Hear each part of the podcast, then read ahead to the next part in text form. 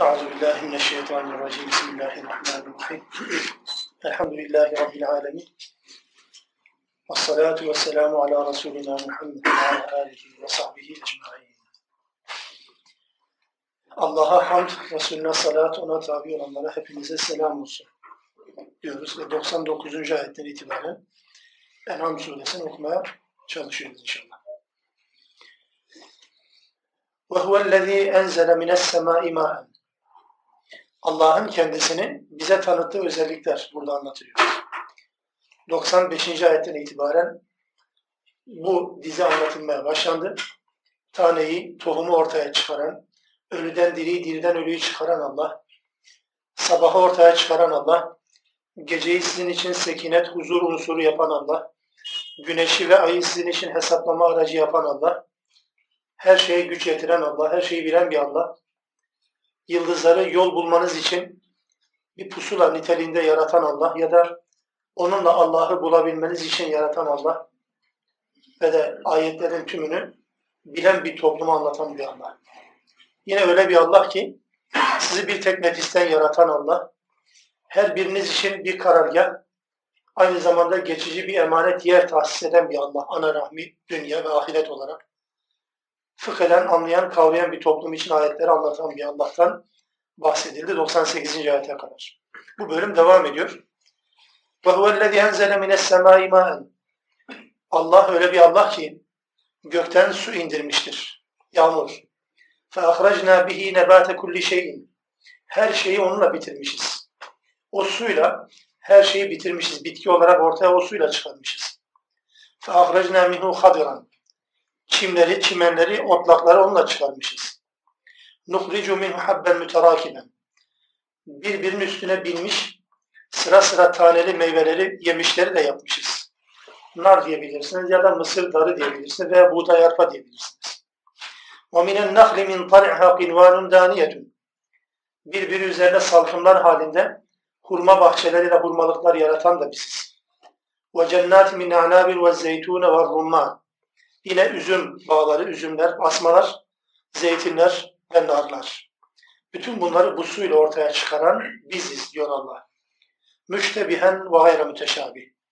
Bir açıdan birbirlerine benzeyen ama bir açıdan da birbirlerinden farklı.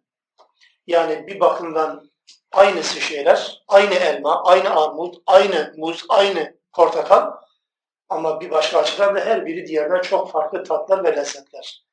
Hatta renkler itibariyle de öyle. Unzuru ila semeri iza esmara ve yen'i.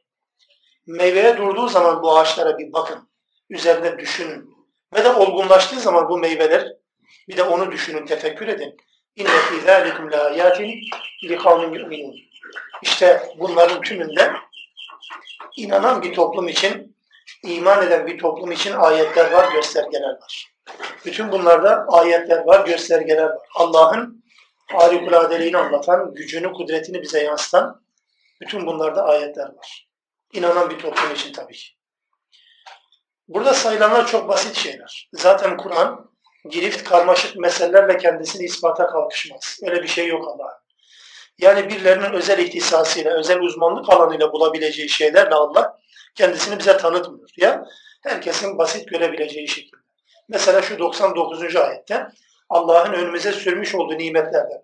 Yani buna baktığımız zaman ya çiftçisiniz, yani ya bunları yetiştirensiniz ya da bunları tüketicisiniz. Var mı ötesi? Yani ya tüketensiniz ya yetiştirensiniz. Bir çiftçi bir başka açıdan anlam çıkarır bundan. Yiyen tüketen de sofrasında gördüğü zaman bir başka anlam çıkarır. Ama anlam çıkarabilmek için hani önceki iki aşama vardı ya anlayan, bilen bir toplum yanlış söyledim. Bilen bir toplum arkasından kavrayan bir toplum olmak lazım ve bu şekilde bir özelliğe sahip oldu mu insanlar ya da toplumlar inanmaya başlarlar. Yani bunlardan hareketle yapılması gereken ne? Çıkarılması gereken sonuç ne bu? Bilecek, bunun farkına varacak, kavrayacak, zihninde bir tahlil yapacak, sentez yapacak. Yani bunu buraya getiren kim, bu renkleri veren kim, bu tatları, lezzetleri birbirinin aynı ve farklı olarak aynı meyvede, meyvede oluşturan, meydana getiren kim diye düşünecek ve bu onu ne yapacak? Likavmin yu'minun yapacak. İman eden bir toplum haline ya da bir fert haline getirecek. Böyle bir özellik anlatılıyor Allah tarafından. Yani basit ama üzerinde düşünüldüğü zaman bizi bir sonuca götüren şeylerdir. Yukarıda anlatılanlar da böyle değil miydi? Gece her zaman olan şey zaten. Güneş, ay her zaman gördüğümüz şeyler. Ya da işte ölmek ve dirilmek, hayata gelmek zaten her zaman gördüğümüz şey. Toprağa atılan tohumun ortaya çıkması her zaman gördüğümüz şey zaten. Ama Allah bunlarda bir takım deliller olduğunu, Allah'ın kendisinin yani gücünün, kudretinin, bilgisinin delilleri olduğunu anlatmak için buraya koyuyor. Peki ne oldu? Bütün bu deliller ortaya konmasına rağmen, Adem'den bugüne, bugünden kıyamete kadar da böyle olmasına rağmen insanlar hemen iman mı etti böyle? Yani bildiler de kavrayamadılar mı? Ya da bildiler, kavradılar gerçekten. Bütün bunları kavramamak için aptal olmak lazım. Ama iman etmedikten sonra etmiyor işte. Tam da ondan bahsedecek Allah. وَجَعَلُوا لِلّٰهِ شُرَكَاءَ الْجِنَّ وَخَلَقَهُمْ Tuttular. Bunların Allah tarafından verilen nimetler olduğunu unuturcasına Allah'ın yanına bir takım ortaklar koydular. Ve üstelik Allah'ın yarattığı bir takım şeyleri, mesela cinleri. Cinleri, görünmez varlıkları, kendilerine çok fazla güç verdikleri, öyle düşündükleri bir takım cinleri ve varlıkları Allah'ın ortağı kabul ettiler.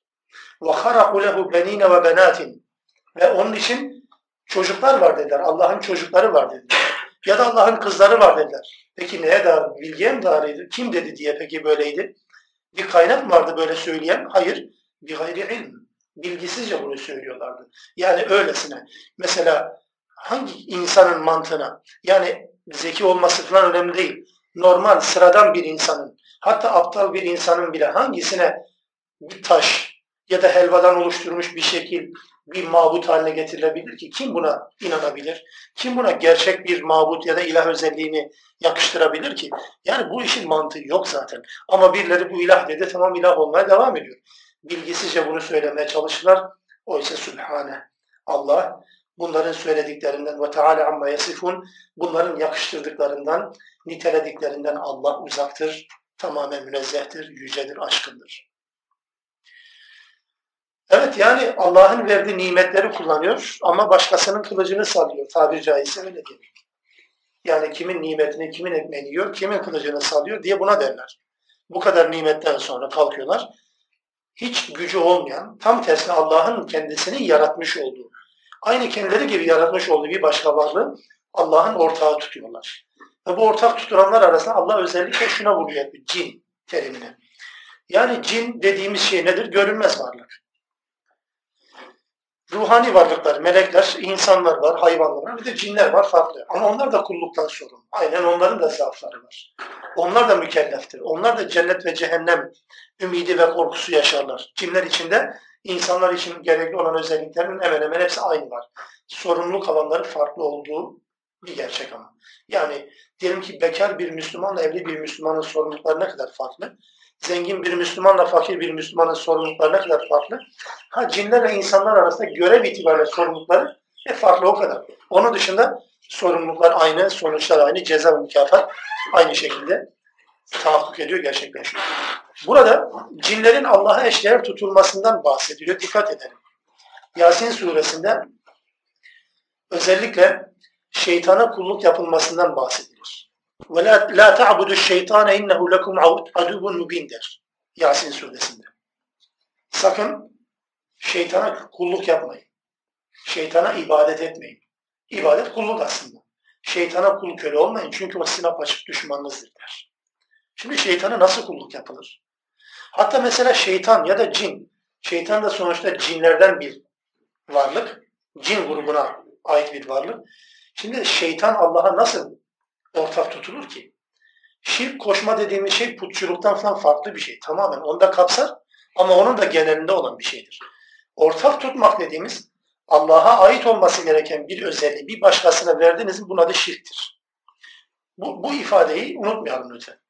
Şirk dediğimiz şey, Allah'a ortak koşmak dediğimiz şey, Allah'a ait olması gereken bir özelliği bir başka varlığa, bu varlık canlı olur, cansız olur, insan olur, cin olur. Bir başka varlığa verdiniz mi, bunun adı şirktir, ortaklıktır. Mesela insanlar cinni ya da şeytan Allah'a nasıl ortak tutarlar? Nasıl kulluk yaparlar? Bunun kıyametteki bir diyaloğunu Rabbimiz İbrahim suresinde anlatır. İbrahim suresinde kıyamette işler bittikten sonra herkes alacağını, vereceğini net bir şekilde gördükten, aldıktan, verdikten sonra şeytana bir takım insanlar suç atacaklarmış. Yani faturayı ona kesecekler. Faturayı şeytana kesecekler. Hani bazen olur mu içimizden geçer mi? Aslında bu şeytan olmasa diye bir Müslüman olacaktık der miyiz? İşte o o sorunun ya da bu ithamın, bu nitelemenin, bu kınamanın cevabını şeytanın ahirette bize vereceği cevap olarak Allah İbrahim 22. ayette şöyle anlatır. İş bittikten sonra, hesap görüldükten sonra şeytan mikrofonu alacak ve diyecek ki kime? Faturayı kendisine kesenlere. Dikkat ediyoruz buna. Diyor ki şeytan, diyecek ki bakın diyecek Allah size bir takım gerçekleri vaat etti. Ben de bir takım şeyler vaat ettim ama bu vaadime ben kendim uymadım. Benim sizin üzerinize bir sultan, bir gücüm yoktu. Herhangi bir zorlamam yoktu bana tabi olmanız için. Ben sadece size davet ettim, davetiye çıkardım. Siz de bana icabet ettiniz, kabul ettiniz. Beni kınamayın, kendinizi kınayın. Ve ne ben sizi kurtarabilirim, ne de siz beni kurtarabilirsiniz. İblis, şeytan devam ediyor. Arkasından inni kefertu bima eşrektumuni min kabl. Diyor ki şeytan, diyecek ki aslında daha önce dünyadayken beni Allah'a ortak koşmanızı ben reddetmiştim. Siz bunu da yaptınız. Beni Allah'a ortak koşmanızı ben istememiştim. Ben böyle bir şey yapın demediğim halde siz kalktınız. Beni Allah'a ortak tuttunuz. Ne haliniz varsa görün.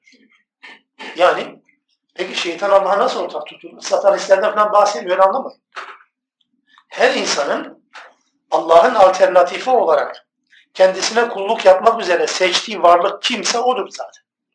Çünkü bir sonraki derste gelecek insan ve cin şeytanlarından söz edecek. Unutmayalım. Bununla bağlantısını unutmayalım. İnsan ve cin şeytanlarından bahsedecek. Yani karşımıza dikilecek olan kim? Cin şeytanı ya da insan şeytanı. Yani yanı başımızdaki insan. Bizi saptıran, ayaklarımıza çelme atan, önümüze engel olan en yakınımızdaki insan da olabilir. Uzak bir insan da olabilir. Fark etmez. Ama şeytanlık yapmış. Allah'a isyan etmiş. Ya da bizim Allah'a isyan etmemize neden olmuş. İşte budur şeytanlık ve yarın kıyamette böyle diyecek. Her birimize Allah korusun, her bir insana. Ben beni Allah'a ortak tutmanızı reddetmiştim. Siz bunu bile yaptınız diyecek. O zaman nedir? Allah'ın emrinin olduğu bir konuda. Dikkatinizi çekerim. Allah'ın emrinin olduğu bir konuda. Allah'ın söz söylediği bir konuda, peygamberin söz söylediği bir konuda, hakkında konu açtı, bahis açtı bir konuda insanlar Allah'a ve peygambere rağmen dikkat edelim. Allah'a ve peygambere rağmen eğer birilerinin peşinden koşturuyorlarsa bu onlara kulluk yapmaktır. Kulluk budur, kölelik budur. Ve Allah'ın bu kadar nimetinden sonra kalkıp cinlere Allah'a ortak koş, koştular derken ki ifade de Allah bilir budur. Bedi'us semavat vel ard. Göklerin ve yerin yaratıcısıdır Allah. Enna yekunu lehu veledun ve lem tekun lehu sahibe. Yani olacak şey mi? Gökleri yaratan sahip, yerleri yaratan onun sahibi. Böyleyken nasıl çocuk olabilir, nasıl eş olabilir ki? Yani eş demek, çoluk çocuk demek bir ihtiyaç demektir. Bir eksiklik demektir neslin devamı endişesine sahip bir varlık demektir. Allah için böyle bir şey söz konusu değil ki. Kaldı ki çocuk olmak ya da eşi olmak demek yetkilerini birine devretmek demek değil midir? Birinin çocuğu varsa yetki ona devrediyor demektir zaten. Mesela mirası devretmiyor mu? Bir insan malı ve çocukları için yaşar değil mi? Yaşar, mal biriktirir, çocuklarına devreder. Devir yetkisidir bu aslında. Devir yetkisidir. Çocuğu olmak demek, eşi olmak demek. Allah'ın çocuğu yoktur derken Allah kimseye etki vermemiş bu noktada. Peygambere sadece görevlendirdiği kadar. O yüzden İhlas suresini bu açıdan bakın. Lem yelid ve lem yulettir. Doğmamıştır, doğurmamıştır. Yani birinden yetki almamıştır, birine yetki de vermemiştir demektir zaten. Bir de bu açıdan meseleyi değerlendirelim. Yani birinin çocuğuysa birinden yetki alır. Birinin çocuğu varsa, onun çocuğu varsa birine yetki ver. Allah ne yetki alandır ne de yetki verendir ne çocuğu olandır ne de babası olandır. Böyle bir Allah. Dolayısıyla yani gariban mı kimsesi yok bu anlamda? Hayır halaka kulle şeyin. Her şeyi yaratan Allah'tır. Öyle eş yok, çoluk yok, çocuk yok, bir şeysi yok derken başını sokacak bir evi de yok, yuvası da yok derken garibanın biri değil. Her şeyi yaratan Allah'tır. Bi kulli şeyin alim. Her şeyi bilen bir Allah'tır aynı zamanda. Bütün bunlar anlatıldı. Bir sıralama yapıldı. Gök, yeryüzü, biz, çevremiz, sahip olduklarımız, olacaklarımız. Hepsi anlatıldı. Ama niçin? Zalikumullahu Rabbukum. İşte Rabbiniz böyle bir Rab'dır. Rabbiniz böyle bir Allah'tır. La ilahe illahu. Ondan başka ilah yoktur. Hayatınıza karışmaya yetkili. Hayatınızla ilgili düzenleme yapmaya yetkili ondan başka kimse yok. Halik ukulli şeyin o her şeyin yaratıcısıdır. O halde fe'budu, ona kulluk yapınız. Ve huve ala kulli şeyin vekil, her şeyin üzerinde vekildir. Her şeyin vekili odur. Dolayısıyla kulluk yapacağınız varlık odur. Altını çizerek söyleyeyim. Kur'an'ın anlatımı bakın arkadaşlar. Kur'an'ın tabiattan, çevremizden, gördüklerimizden, göreceklerimizden hareketle Kur'an'ın Allah anlatımı, Rab anlatımı böyledir. Anlatır anlatır önümüze kor ve sonra der ki bu Allah'a kulluk yapın. Bu Allah'a kulluk yapın demedikçe sadece bunları sayıp dökmek Kur'an anlatımı değil. Yani ne demek istiyorum? Böyle bir anlatım Kur'an anlatımı değilse Müslüman da böyle bir anlatıma girmemeli. Yani gökyüzünün yıldızlarına bak muhteşem. Karıncalar alemine bak çok muhteşem.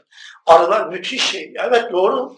İnsanın yaratılışı acayip. İnsanın gözü yok bilen kaşı falan. Çok muhteşem, muazzam. Evet yani ne olmuş? Fe'buduh.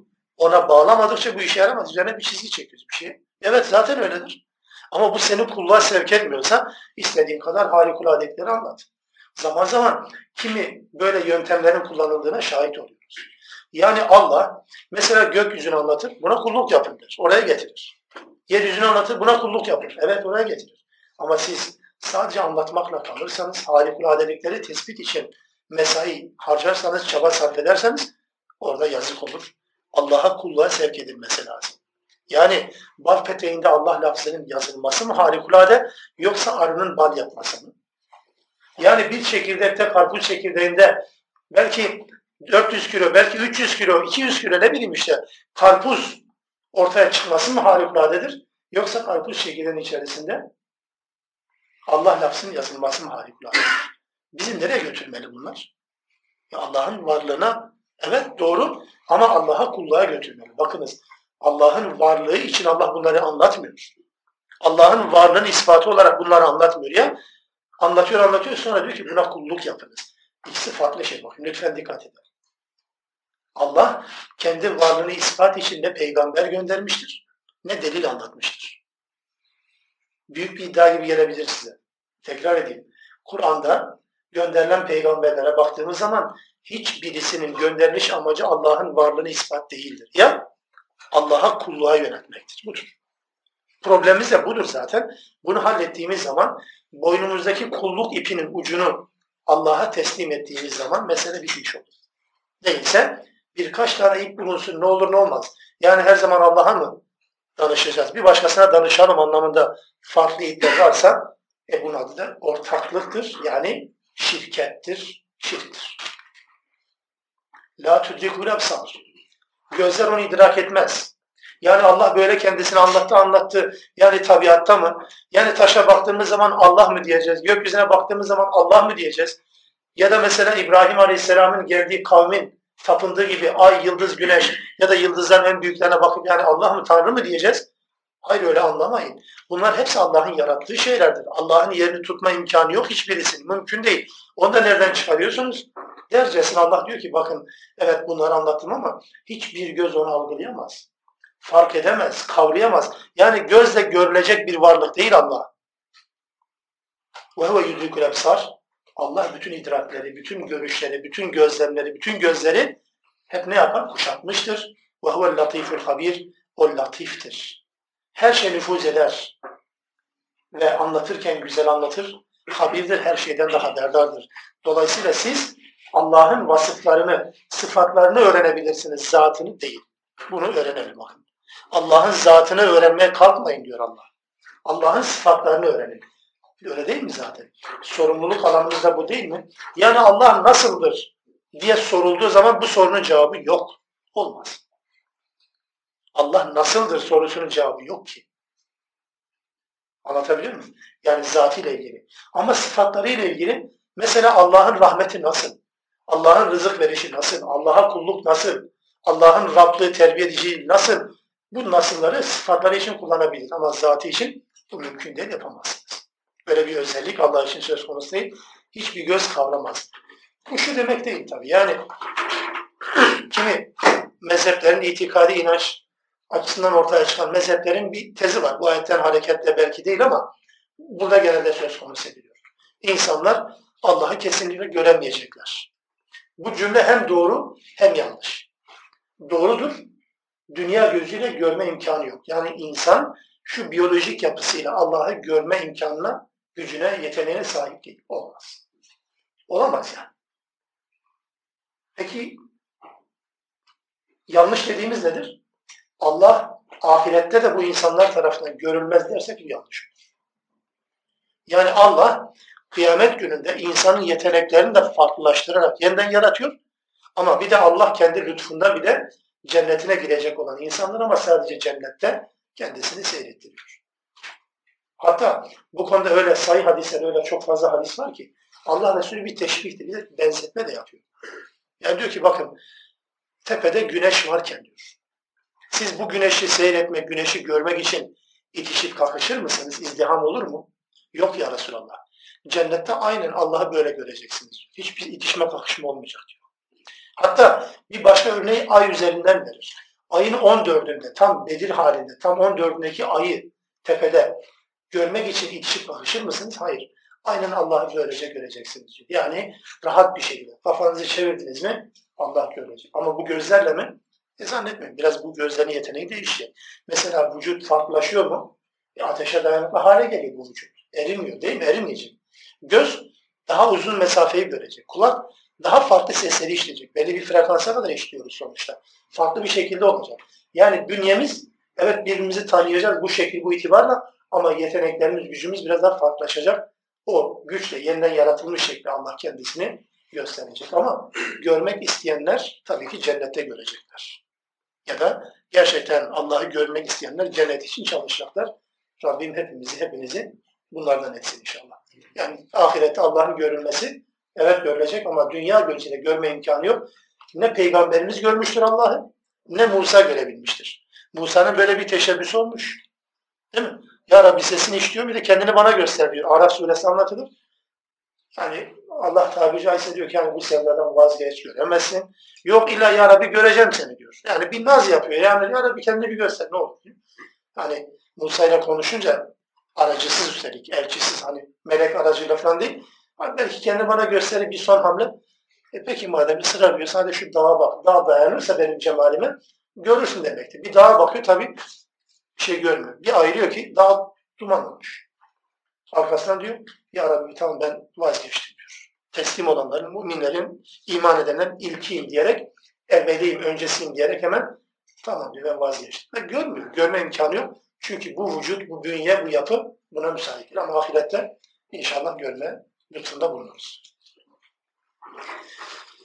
Ve kederlik. Kad ca'akum basairun min rabbikum. Rabbinizden size basiretler gelmiştir. Evet yani gözleriniz onu idrak etmez. O bütün gözleri, bütün bakışları kuşatır. Fakat illa onu görmek mi istiyorsunuz? Ya da onun gördüğü şekilde mi görmek istiyorsunuz? Onun baktığı yerden mi bakmak istiyorsunuz? O zaman şuna dikkat edin. Rabbinizden size basiretler gönderilmiştir, gelmiştir. Femen absara feli nefsi Allah'ın bak dediği yerden kim bakarsa kendisi için bakmış olur. Ve men amya aleyha Allah'ın bak dediği yerden kim bakmak istemezse bundan kaçınırsa o da kendi aleyhinedir. Ve mâne aleykum bir hafiz de ki ben sizin üzerinde bir bekçi değilim ki. Âyâtini ve liyekûlü darasta ve linübeyyinehu liqavmi ya'lemun. İşte biz böyle ayetleri açıklarız. Tasrif ederiz. Fasıl fasıl, grup grup. Bütün ayrıntıları anlatırız ki insanlar ha tamam iyi bir ders almışsın. Gerçekten bunu birileri sana öğretmiş diyecek kadar anlatırız size. Ve de bilsinler bir toplum. Bu konuda bilgi sahibi olsunlar diye anlatırız sana ayetleri. Bir önceki 104. ayete geliyorum. Rabbinizden basiretler gelmiştir. Basiret diye çeviriyorum yani Türkçe karşılığı bulamadığım için belki de belki de benim zaafımdan dolayı beni bağışlayın. Ama şöyle izah edeyim. Yani aslında bakış açıları demektir basiret. Kur'an-ı Kerim'in ayetlerinin bir diğer ismi de basairdir. Bakış açısı kazandıran şeydir. Hani şöyle diyelim mesela mavi bir camdan baktığınız zaman her şeyi mavi görürsünüz. Pembe bir camdan baktığınızda her şeyi pembe görürsünüz ama saf bir camdan baktığınız zaman her şeyi olduğu gibi net görürsünüz. Bu böyledir. Sanki Allah Kur'an-ı Kerim'i gözümüzün önüne takacağımız bir gözlük gibi değerlendiriyor.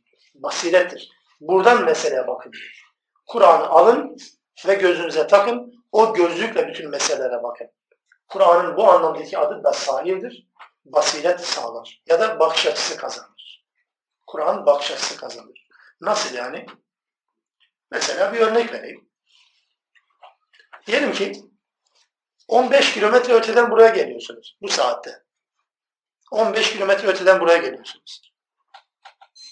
Bu basiretle bakan bir insan için bu gayet anlaşılır bir şeydir bakın. Yani bu pencereden Allah'ın bakın görün dediği yerden bakıp gördüğünüz zaman ya da bunu birine böyle böyle birine söylediğiniz zaman bu basaire, bu gösterge sahibi birine söylediğiniz zaman çok güzeldir. Gerçekten Allah gücünüzü arttırsın, Allah yardımcınız olsun der değil mi? Bakın bakış açısı. Peki bununla hiç alakası olmayan nedir? Yazık ya. Şuna bak. Bu kadar mesafe, bu soğukta, bu kış günde lan, ya rahat otur da vardı değil mi? Niye? Çünkü onun baktığı pencere farklıdır. Baktığı pencere farklı. Olayı değerlendirme biçimi farklıdır. Mesela bir ticaretle uğraşan birini düşünün. Birisi yani boyuna teşvik alıyor, boyuna kredi alıyor. İş düştüğü zaman gidip kredi alıyor. İşini çeviriyor, çeviriyor. 5 metrekare dükkanken 55 metrekare derken 100 metrekare derken 5000 metrekarelik bir iş yerine dönüştürüyor. Şişiyor sürekli yani. Nedir bu? Hangi pencereden bakıyor? Ama bir taraftan da beraber başlamışlar aynı işe. Hala 10 metrekarelik dükkanda devam ediyor. Berikine adam acıyor. Hangi pencereden baktığı için? Buradan baktığı için değil tabii ki. Acıyor buna. Çünkü onun baktığı pencere acıtıyor kendisini. Yani bunun acınacak halde olduğunu gösteriyor kendisine.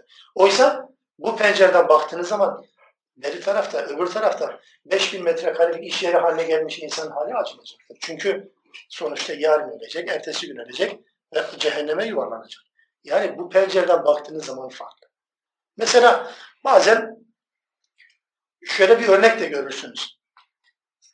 Yazın ortasında hadi diyelim ki Malatya'da o kadar değil de mesela Diyarbakır gibi işte Adana gibi evet çok sıcak yerlerde bir kadın görürsünüz örtülmüş.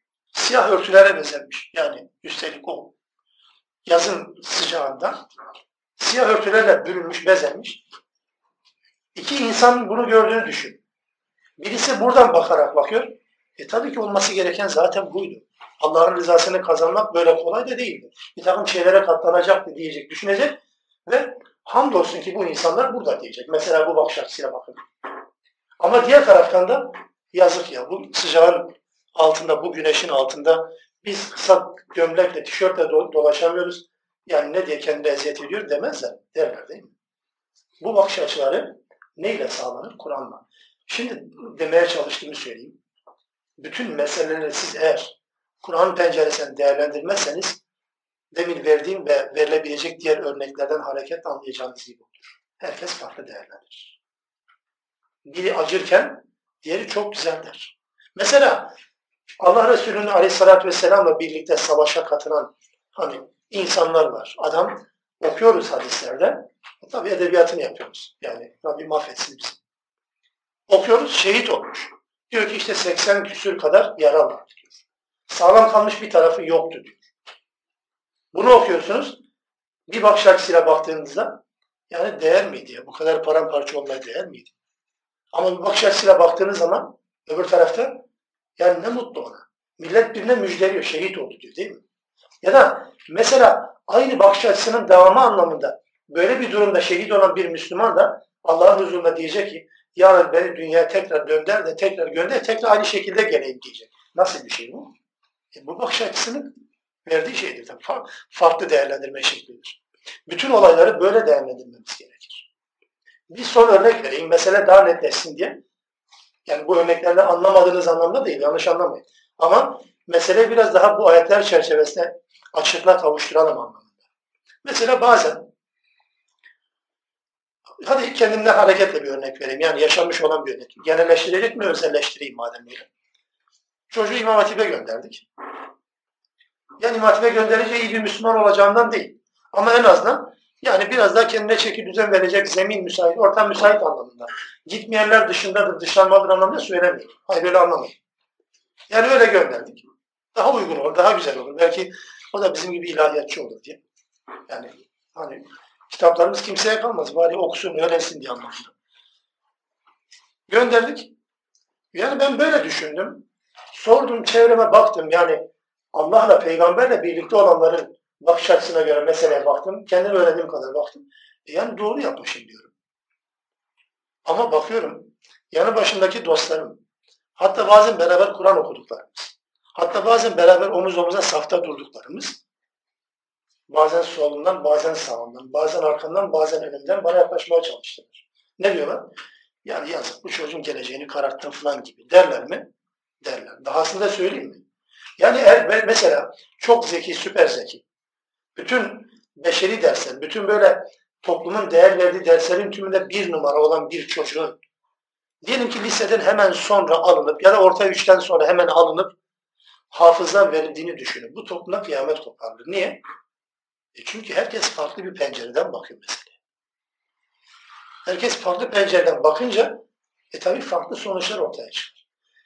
Bu, doğru belki yanlış. O zaman ne yapacağız biliyor musunuz? kendimizle ilgili, çevremizle ilgili, gelecekte sahip olacağımız ya da şu anda sahip olduklarımızla ilgili, eşlerimizle ilgili, kimse yani. Bizim sorumluluk alanımıza giren her ne ve her kimse, bütün bu ne ve kimleri bu bakış açısıyla değerlendirirsek meseleyi halletmiş oluruz. Değilse diğer başka bakış açılarına baktığınız zaman ortalık bulanık olur. Yani Allah'ın rızasını kaybetmekle karşı karşıya kalmış oluruz. Bunu söylemeye çalışıyorum. Evet biz ayetleri topla böyle açıklarız, böyle gösteririz. Buraya not almışım, onu da söylemeden geçmeyeyim ya. Sa'd bir vakas şeye gönderiliyor. Hazreti Ömer döneminde İran'ın fethinde zannedersem görevli Sa'd bin bir vakas. İran'ı zapt etmiş, İran teslim olmuş. Kisra, padişah, kral neyse teslim oluyor. Sa'd bin bir vakasın sonuçta komutan, Müslümanların komutanı saraya gelecek. Saraya gelince Kisra kendi bakış açısıyla ne yapıyor? Bir sergi seriyor. Atlastan, ipekten halılar. Neyi gösterecek? İhtişamını, şatafatını gösterecek. Kime? Yani her ne kadar yenilmiş olsak da sonuçta Müslümanlara ne olduğumuzu, kim olduğumuzu öğretelim anlamında atlastan, ipekten halılar seriyor. Sad bin Vakas'ın geçeceği. Sad bin Vakas zaten bu atlasları, ipekleri ele geçirmek için İran'a gitmiş değildi ki kılıcını o atlasa ipe sürterek hem de böyle yırta yırta parçalayarak Kisra'nın huzuruna varıyor. E şaşırıyor tabii Allah. Yani biz ne baktık? Bu adam nasıl değerlendirdi? Hep böyledir zaten. Yani birisi bu taraftan bakınca değer verilecek şey değil ki sonuçta. Üzerinde yürüyorsun. Bana ne kazandırabilir ki? Kılıç yırtar, benim kılıç yırtmalı diye bakar düşünür. Öbürü kendisini yücelten bir varlık olarak onu görmeye başlar, öyle görünür. Bazen insanlar sahip oldukları evleriyle, konforlarıyla başkalarına karşı övünürler mesela. Hangi bakış açısıyla? E, Kur'an ve sünnet bakış açısıyla olmadığını kesinlikle biliyoruz. Ya çevrenin baskısıyla canım. Çevrenin baskısıyla. Hatta insanlar evlerini insanlara teşhir etmek için yaparlar. Geçen müteahhitlik, müteahhitlikle uğraşan bir arkadaş anlatıyordu, söylüyordu. Şu anda evler diyor artık salonlardan yavaş yavaş alınmaya başlandı, küçülmeye başladı. Yani salonlar küçültülüyor. Ev 250 metrekare de olsa salon büyük olmayacak, diğer odalara taksim edilecek küçük küçük odalar. Yani yani aslında kimsenin artık misafir falan kabul etmeye tahammülü yok. Bu anlama geliyor. Böyle bir değerlendirme yaptık doğrusu. Zaten insanlar evleri genişletiyorlar. Bakıyorsun 250 metrekare. Yani o 250 metrekarelik evde kaç tane misafir ağırlanır ki? Yok canım. Ya kimse yemek de vermiyor zaten. Lokantada, restoranda misafirlere toplu yemekler zaten veriyor. Yatma mı? Otel var değil mi? Böyle zaten yerler var. Peki evler niçin bu kadar geniş yapılıyor? E farklı bir bakış açısıyla işte. Yani Kendimi tatmin edeceğim, egomu tatmin edeceğim. O hasreti gidermiş olacak. O da bir bakış açısı. Ama Kur'an'la bakmayınca meseleye doğrusu hayatın her tarafı böyle Allah bullak olacaktır. İttebi' ma uhiye ileyke min rabbik. Rabbinden sana vahyedilene tabi ol. Kim? Sen. Tek kişiye söylüyor bunu. İlk kişi kimdir? Peygamberdir değil mi? Peki neden siz demedi? Sanki şöyle bir şey anlayabilir miyiz buradan? Zorlarsa. Zorlamıyorum aslında da. Kelimenin anlamı da zaten. İttebi ma uhiye Sana vahyedilene tabi ol. Bu bana vahyedilmiş mi? Yani ben peygamberim anlamında söylemiyorum tabii. Yani sonuçta benim rehberliğim, bana rehberlik yapsın diye gönderilir, gönderilmişse bana vahyedilmiş bir açıdan. Yani sonuçta peygamber Cebrail ile peygambere, peygamber de bize aktarıyor. Aynı şey. O zaman sana ta, vahyedilen tabi ol derken kastedilen nedir? Yani ben tek başıma da olsam, bir başkası yanımda olmasa da beraber buna tabi olacak başka adam, eleman, arkadaş bulmasam da, bir meclis kurup cemaat, vakıf, dernek bulamasam da, yalnız başıma da olsam, bakın tek başıma da olsam bu vahye tabi olacak. Tabi olmak için birilerinin yanında yardımcı olmasını beklemeyeceğim. Beklersek kıyamete kadar sıra gelmeyebilir. Ya da bugün yanında olanlar yarın olmayabilir. Terk etmek zorunda mı kalırsınız? E yaşadığımız son süreç bunu biraz gösteriyor. Müslüman olmamızı, vahye tabi olmamızı birilerine bağlarsak, ya da şöyle tarif edeyim anlatayım. İlla da vahye bağlı olacağız ama yanında birileri olsun diye bekleyeceksek, buna bağlayacaksak inanın yanlış yapıyoruz. Çünkü bunlar olmayabilir. Yanımızdakiler de gidebilir. O yüzden tek başınıza da olsanız vahye tabi olun. La ilahe illahu. Bilin ki ondan başka ilah yok. Hayata karışacak yetkili kimse yok. Ve arid anil müşriki. Müşriklerden de yüz çevirin. Yani müşrikler gibi olmaktan yüz çevirin tabi. Onlar gibi olmayın. Değilse müşrikleri terk edin. Peki onlara kim din anlatacak? Öyle değil tabii ki. Müşrikleri terk edin, bırakın kendi hallerine değil. Onlarla onlarla beraber olmayın. Ya da onlar gibi olmayın. Onların düşüncesini taşır gibi bulunmayın, hazır durmayın. O şekilde bulunmayın anlamında müşriklerden yüz çevirin diyor. وَلَوْ شَاءَ اللّٰهُ مَا اَشْرَكُوا Eğer Allah dileseydi, eğer Allah isteseydi insanlar şirk koşmazlardı. Ne o yani? Bir daha okuyalım. Allah isteseydi onlar şirk koşmazlar. Ha, o zaman bütün mesele Allah'ta kilitleniyor öyle mi? Yani Allah demek ki bu şirklerinden sorumlu. Hayır öyle değil. Yani şunu diyor Allah. Eğer Allah dileseydi herkes mümin olurdu. Zorlardı. insanlar imana gelmesi için bütün şartları oluştururdu. Ama Allah istemedi ki. Eğer bu anlamda Allah isteseydi onların şirk koşmasına fırsat vermezdi. O zaman imtihanın ne anlamı kaldı ki? Yani mesela düşünün basitinden. İnsanların yaptıklarının karşılığını bu dünyada görmeleri gibi Allah'ın bir yasası olsaydı. Günah işledin hemen anında günahın cezasını işlediğin günah şekline göre gördüğünü düşünelim, gördüğümüzü düşünelim. Kim günah işleyebilir? Değil mi ya? Yalan söylenenin burnun uzadığını düşünün. Kulak hırsızlığı yapanlar ya da değil mi yani böyle gayrimeşru şeyler dinleyenlerin kulaklarının uzadığını düşünün. Dillerinin sarktığını düşünün konuşanların. Değil mi yani yani zaten gözlerle bakanların gözleri kör olduğu için zaten gözü sağlam kimse kalmazdı. Ne olurdu? E zaten kimse günaha teşebbüs etmezdi. Burada vurgulanan bu. Allah dileseydi bunu yapardı ama işin anlamı kalmazdı. Allah serbest bırakmıştır. İman etmenin edenin iman edenin iman etmesine de engel olmaz. Yolunu açar. Şirk koşmak isteyenin şirkine de engel olmaz. Ona da yol açar. Allah'ın böyle bir mekanizması, böyle bir yasası var. Allah istemiyor. Herkesi belli bir şey üzerine zorlamaya Allah istemiyor. Hatta peygamberlerle birlikte, altını çizelim, peygamberlerle birlikte genel anlamda mucize gönderilmemesinin nedeni de bu. İnsanlar iman etmek zorunda hissetmesinler kendilerini diye. Bunun anlamı da budur. وَمَا جَعَلْنَاكَ عَلَيْهِمْ حَفِيظًا Seni onlar üzerine bekçi göndermedik, muhafız değilsin sen. وَمَا عَلَيْهِمْ بِوَكِيلٍ Onlardan sorumlu değilsin. Yani sen sana düşeni anlatacaksın. Ben bana düşeni anlatacağım. Söyleyeceğiz birbirimize, hatırlatacağız. Ama sonuç, sonuç bizim hesabımıza yazılmayacak. Fark etmez. Yani burada söyleyince herkes benim gibi mi olacak? Siz başkasına söyleyince herkes senin gibi mi olacak? Öyle değil tabii ki. Ama bizim görevimiz anlatmaktır. İnsanlara bildirmektir, duyurmaktır. Bu tavrı ortaya koymaktır. Onun için peygamberden ve de benden, sizden sorulmayacak sonuç sadece anlatmak. Anlatıp anlatmadığımız sorulacak. Bunu yaparken müşriklerle iletişimde bulunurken, müşriklerle birlikteyken, yani onlara din anlatırken, onlara gerçekleri anlatırken dikkat edeceğimiz bir temel ilke daha geliyor 108. ayet. وَلَا تَسُبُّ الَّذ۪ينَ يَدْعُونَ مِنْ دُونِ اللّٰهِ Allah'tan başkasına, Allah'tan başka varlıklara tapanlara küfretmeyiniz.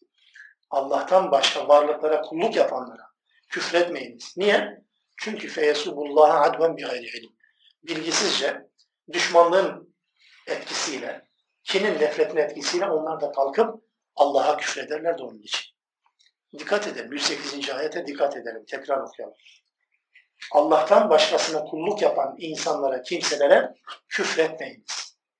Onlar da kalkıp bilgisizce, inadına, düşmanlık etkisiyle Allah'a küfrederler. Onun için küfretmeyin. Çünkü zeyyenna li kulli ümmetin amela. Biz her insanın, her ümmetin yaptıklarını kendine süslü göstermişiz. Yani herkes yaptığının güzel olduğunu sanmış. Herkes yaptığının doğru olduğunu zannederek yapar. Onun için insanlar üzerine gitmeyin, insanlara küfretmeyin, hakaret etmeyin. Din anlatmak ayrıdır, hakaret etmek ayrıdır. Hakaretin önü kesilmiş olur. Şimdi dikkat edin. Bu 108. ayeti bir de şöyle anlayanlar da var. Bu iki farkı lütfen dikkatlerinizden kaçırmayın. Allah'tan başka taptıklarına, putlarına yani. Allah'tan başka insanların taptıkları şeylere hakaret etmek, küfretmeyin anlamına da değerlendirenler var. İkisi farklı bakın. Birisi tapanlara küfretmeyin diyor, öbürü tapılanlara küfretmeyin diyor. Genelde Kur'an'ın anlatımına, buradaki cümle yapısını, gramer yapısını en uygun olanı birinci şekilde söyledi. Yani Allah'tan başka ilahlara kulluk yapan kimselere küfretmeyin. Karşımıza bir adam var, puta tapıyor. O adama küfretmeyin diyor Allah. Peki puta küfretmek serbest mi? Bu mu çıkar? Yani küfretmekten anladığınıza bağlı tabii. Kur'an-ı Kerim'de ya da Arapçada sebbetmek yani küfretme diye çevirdik, çevirmek zorunda kaldık da bizim Türkçedeki sinkar falan diye başlayan türden küfür yok yani. Arapçada Kur'an'ın küfür mantığı bu değil yani. Ya hakaret etmektir. Hakaret etmek. Yani diyelim ki rezil, kepaze, alçak, düşük, bayağı, cehennemlik, kütük vesaire falan. Budur küfür. Kur'an'ın anlattığı budur. O zaman karşımızda bir Müslümanın karşısında bulunan ve Müslüman olmayan, Allah'tan başkasına tapan bir insanın kendisine hakaret etme hakkımızı bu ayet kaldırıyor. Ona hakaret edemeyeceğiz. Ya putuna, tapındığı ilaha, o ilaha bu çerçevede kötülük söyleyebiliriz tabii. Senin inandığın cehennemlikse inandığın, sakatlıksa inandığın faydası olmaz. E, İbrahim bu putu kırmamış mıydı mesela? Ama putperestlerin şahsına yönelik hiçbir hakaret yoktur. Hazreti Peygamber Mekke cahili ortamında Ebu Cehil, Ebu Leheb ve benzeri müşriklerin hiçbirisine hakaret etmemiştir. Bir gün bir tek kelime hakaret içeren bir tek kelime söylememiştir. Ama putlarına her zaman putları gündemdedir. Putlar her zaman ağza alınacaktır tabii ki. Ama yani ne kadar lazımsa o kadar. Yani put odundur işte ya. Bir, bir işe yaramaz bakınız.